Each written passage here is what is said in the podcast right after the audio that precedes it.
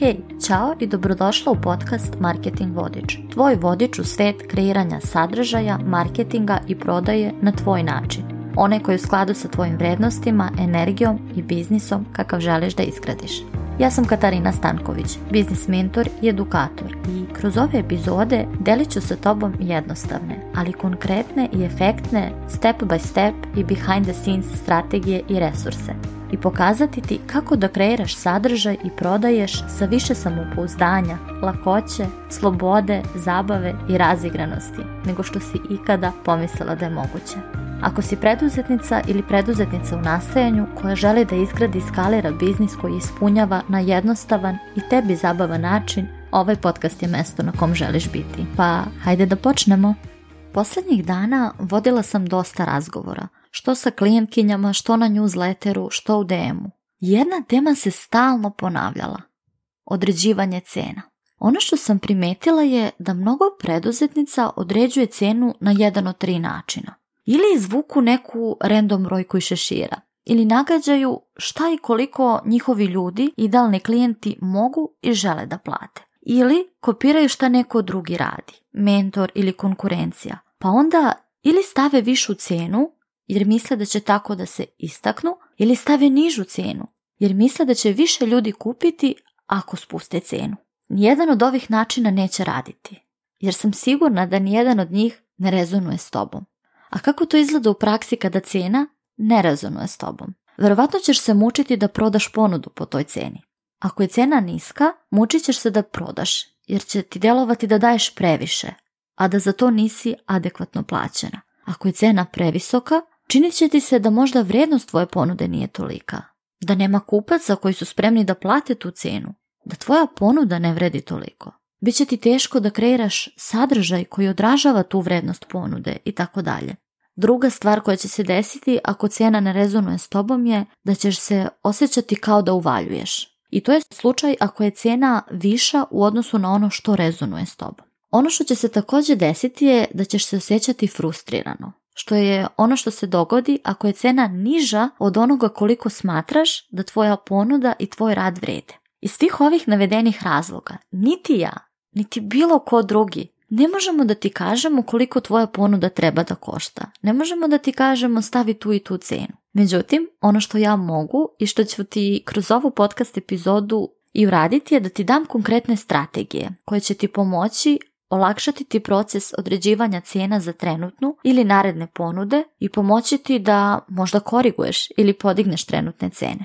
Dakle, umjesto da samo izvučeš neku random brojku i šešira, pogađaš ili kopiraš šta neko drugi radi, podelit ću sa tobom u ovoj epizodi pet stvarno konkretnih smernica i strategija o kojima treba da razmišljaš kad određuješ cenu svoje usluge, kursa, programa i drugih online proizvoda. Ove strategije pomoći će ti da odrediš cenu sa kojom si potpuno u skladu i koju izgovaraš sa samopouzdanjem, a koja je tvojim idealnim kupcima no-brainer cena.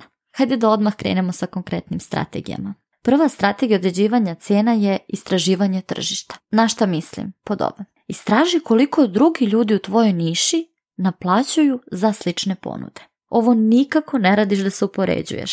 Naplaćuješ manje ili više od njih, već da stekneš širu sliku o trenutnoj situaciji na tržištu. Predlažem da to uradiš u formi vežbe. Izdvoji 15 minuta do pola sata da potražiš na Google kurseve, coaching i mentorske programe, done for you ili jedan na jedan usluge onih koji imaju ponudu na istu ili sličnu temu kao što je tvoja trenutna ili ponuda koju tek planiraš da kreiraš. Ukoliko postoje ljudi koje pratiš na mrežama, a koji se bave sličnom temom, možeš da pogledaš i cene njihovih ponuda, da bolje razumeš u kom rasponu se kreću. Druga strategija određivanja cene je Strategija jasnoće tvoje ponude i nju predlažem da kombinuješ sa prvom strategijom. Tako da sada kada znaš kako se cene okvirno kreću u tvojoj oblasti, u tvojoj niši, ti se vratiš na svoju ponudu i dobro pogledaš šta sve ona uključuje, koji rezultat, transformaciju i rješenje nudi i koliko je njena realna vrednost. U tome će ti pomoći sljedeća pitanja. Prvo pitanje, koji je problem broj 1 koji moja ponuda rešava? ili ako ne rešava problem, koji je cilj ili želja broj 1 koju moja ponuda pomaže mom idealnom kupcu da ostvari. Profitabilna ponuda za koju možeš više da naplatiš je ona koja rešava realan problem koga su ljudi svesni, koji žele da reše i za čije rešenje su spremni da plate. Drugo pitanje.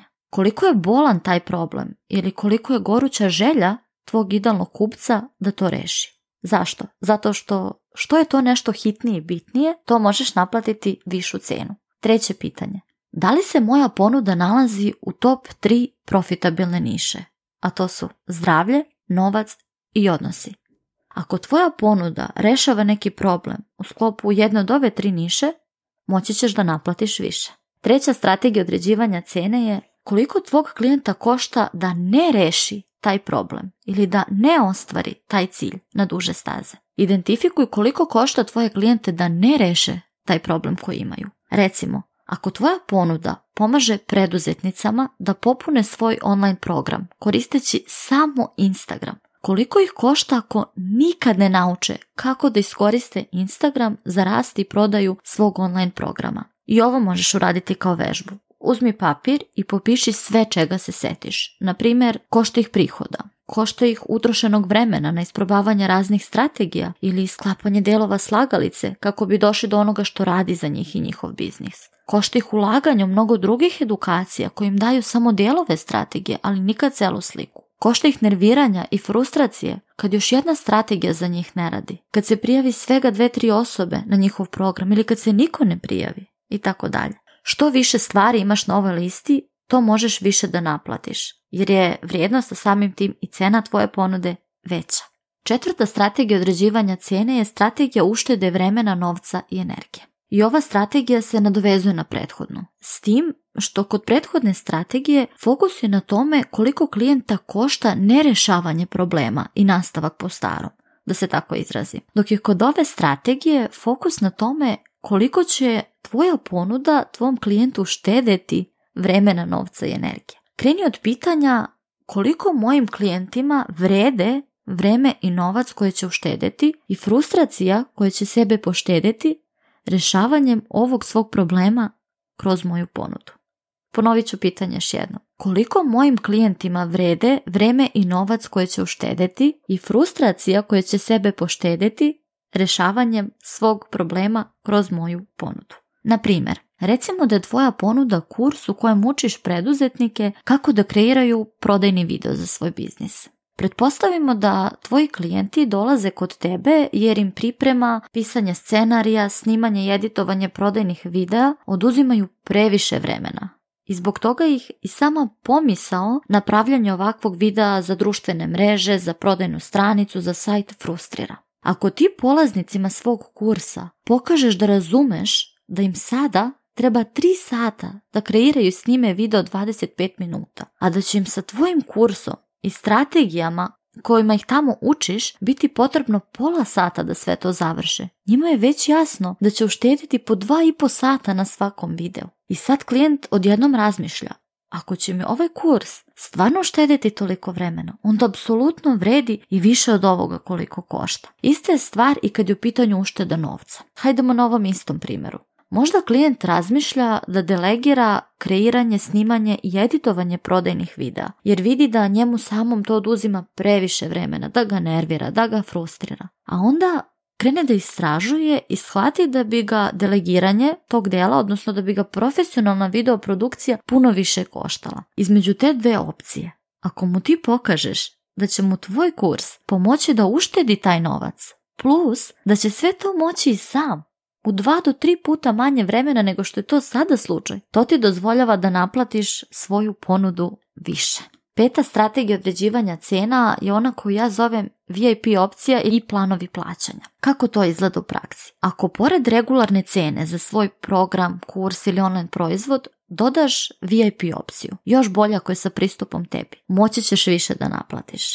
To izgleda tako što imaš jednu redovnu cenu koja uključuje sam program, sam kurs i prateće materijale i drugu cenu sa ograničenim brojem mesta za manji broj osoba koja uključuje možda rad 1 na jedan ili rad u intimnoj grupi za manji broj polaznika i ta druga cena je premium odnosno znatno viša od prve cene koja uključuje samo materijale, lekcije, module, šta god. To znači da ti sada možeš više da naplatiš VIP opciju to tebi istovremeno nije puno posla, ali ti omogućava da radiš zaista sa idealnim klijentima koji žele viši nivo podrške od tebe. Istovremeno, kupcima koji nisu u mogućnosti možda da plate više, ova prva regularna cena nekako odmah deluje jeftinije, jer sada mogu da uporede sa premium cenom i da vide da ona pristupačnija, a da opet i za tu pristupačniju cenu dobijaju mnogo. U sva tri slučaja to je win, win, win situacija za sve.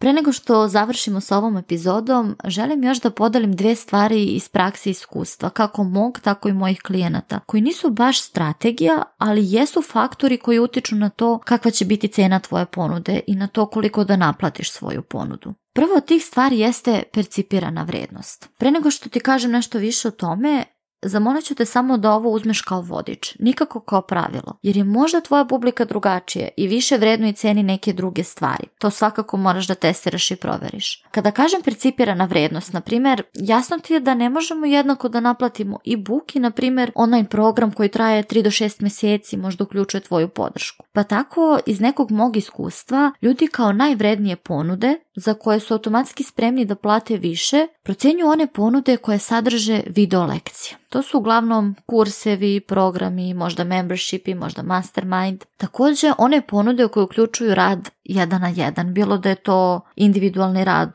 u sklopu jednog susreta, kao konsultacija ili sesija, u sklopu nekoliko susreta kao paket konsultacija ili sesija ili individualni program možda. Također ljudi su spremni da plate više za bilo koju ponudu koja se uživo isporučuje, koja nije snimljena i koja podrazumeva visok nivo personalizacije i podrške. Nešto manje od toga spremni su da plate možda za grupni coaching i mentorisanje, pogotovo ako to traje nešto kraće. Zato što su spremni da izve više novca za rad jedan na jedan i taj personalizovan individualni pristup nego za grupni coaching i mentorisanje. Također u ovu kategoriju spadaju i programi ili kursevi možda, možda neki podcast trening, audio trening koji sadrži znači audio lekcije. Najmanju percipiranu vrijednost, a samim tim i najmanju cijenu nose obično ponude koje uključuju pisane lekcije. Primjer za to bi mogao da bude email trening. Druga vrsta ponude koja spada u ovu kategoriju jesu PDF dokumenta poput e-booka, vodiča, studija slučaja, radnih svezaka, template ili šablona i tako dalje. Tako da su ovo stvari koje također možeš da uzmeš u obzir kad određuješ cenu svoje ponude. Još jedna stvar koja utječe na cenu tvoje ponude je psihologija prodaje, koja se u ovom kontekstu o kojem ja pričam odnosi na to da ponude čija se cena završava brojem 7 ili 9 se bolje više prodaju. Zato ćeš, na primjer, često vidjeti da program ili kursevi imaju cenu 497 eura ili 699 eura i tako dalje.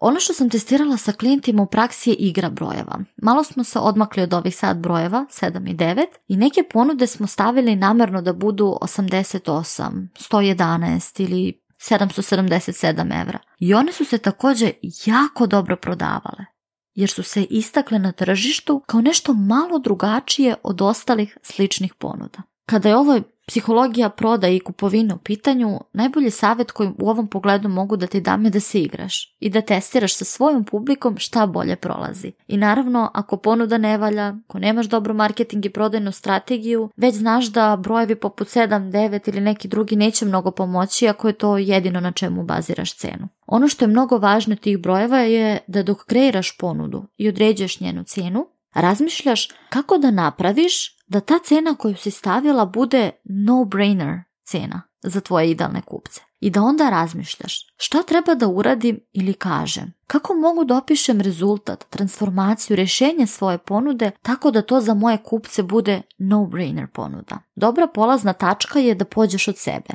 Na primjer, da ti sada sletiš na svoju prodajnu stranicu, pročitaš to što tamo piše. Da li bi kliknula na kupi? Ako odgovor nije da, vrati se i poradi na svom kopiju i prodajnoj stranici kako bi ti imala utisak da je to sjajna ponuda. Jer onda ćeš mnogo lakše tu istu ponudu kasnije prodati svojim ljudima. Još jedna važna stvar sa kojom želim da te ostavim je da imaš na umu da u svakom trenutku možeš da se predomisliš i promeniš cijenu svoje ponude. Zato ne moraš da osjećaš pritisak da ostaneš na istoj cijeni koju si stavila prvi put ili da odugovlačiš da kreneš sa prodajom samo zato što ne možeš da se odlučiš za cenu. Nadam se da će ti ove smernice olakšati i pojednostaviti proces određivanja cene i da će ti pomoći da dođeš do one brojke sa kojom ti rezonuješ i koju izgovaraš sa samopouzdanjem, a tvojim kupcima je ona no-brainer. Hvala ti što biraš da svoje dragoceno vreme uložiš u slušanje podcasta Marketing Vodič. Nadam se da ti ova epizoda bila korisna, kao i da ti je donela nove uvide ideje kako možeš da primeniš ono što si čula u svom biznisu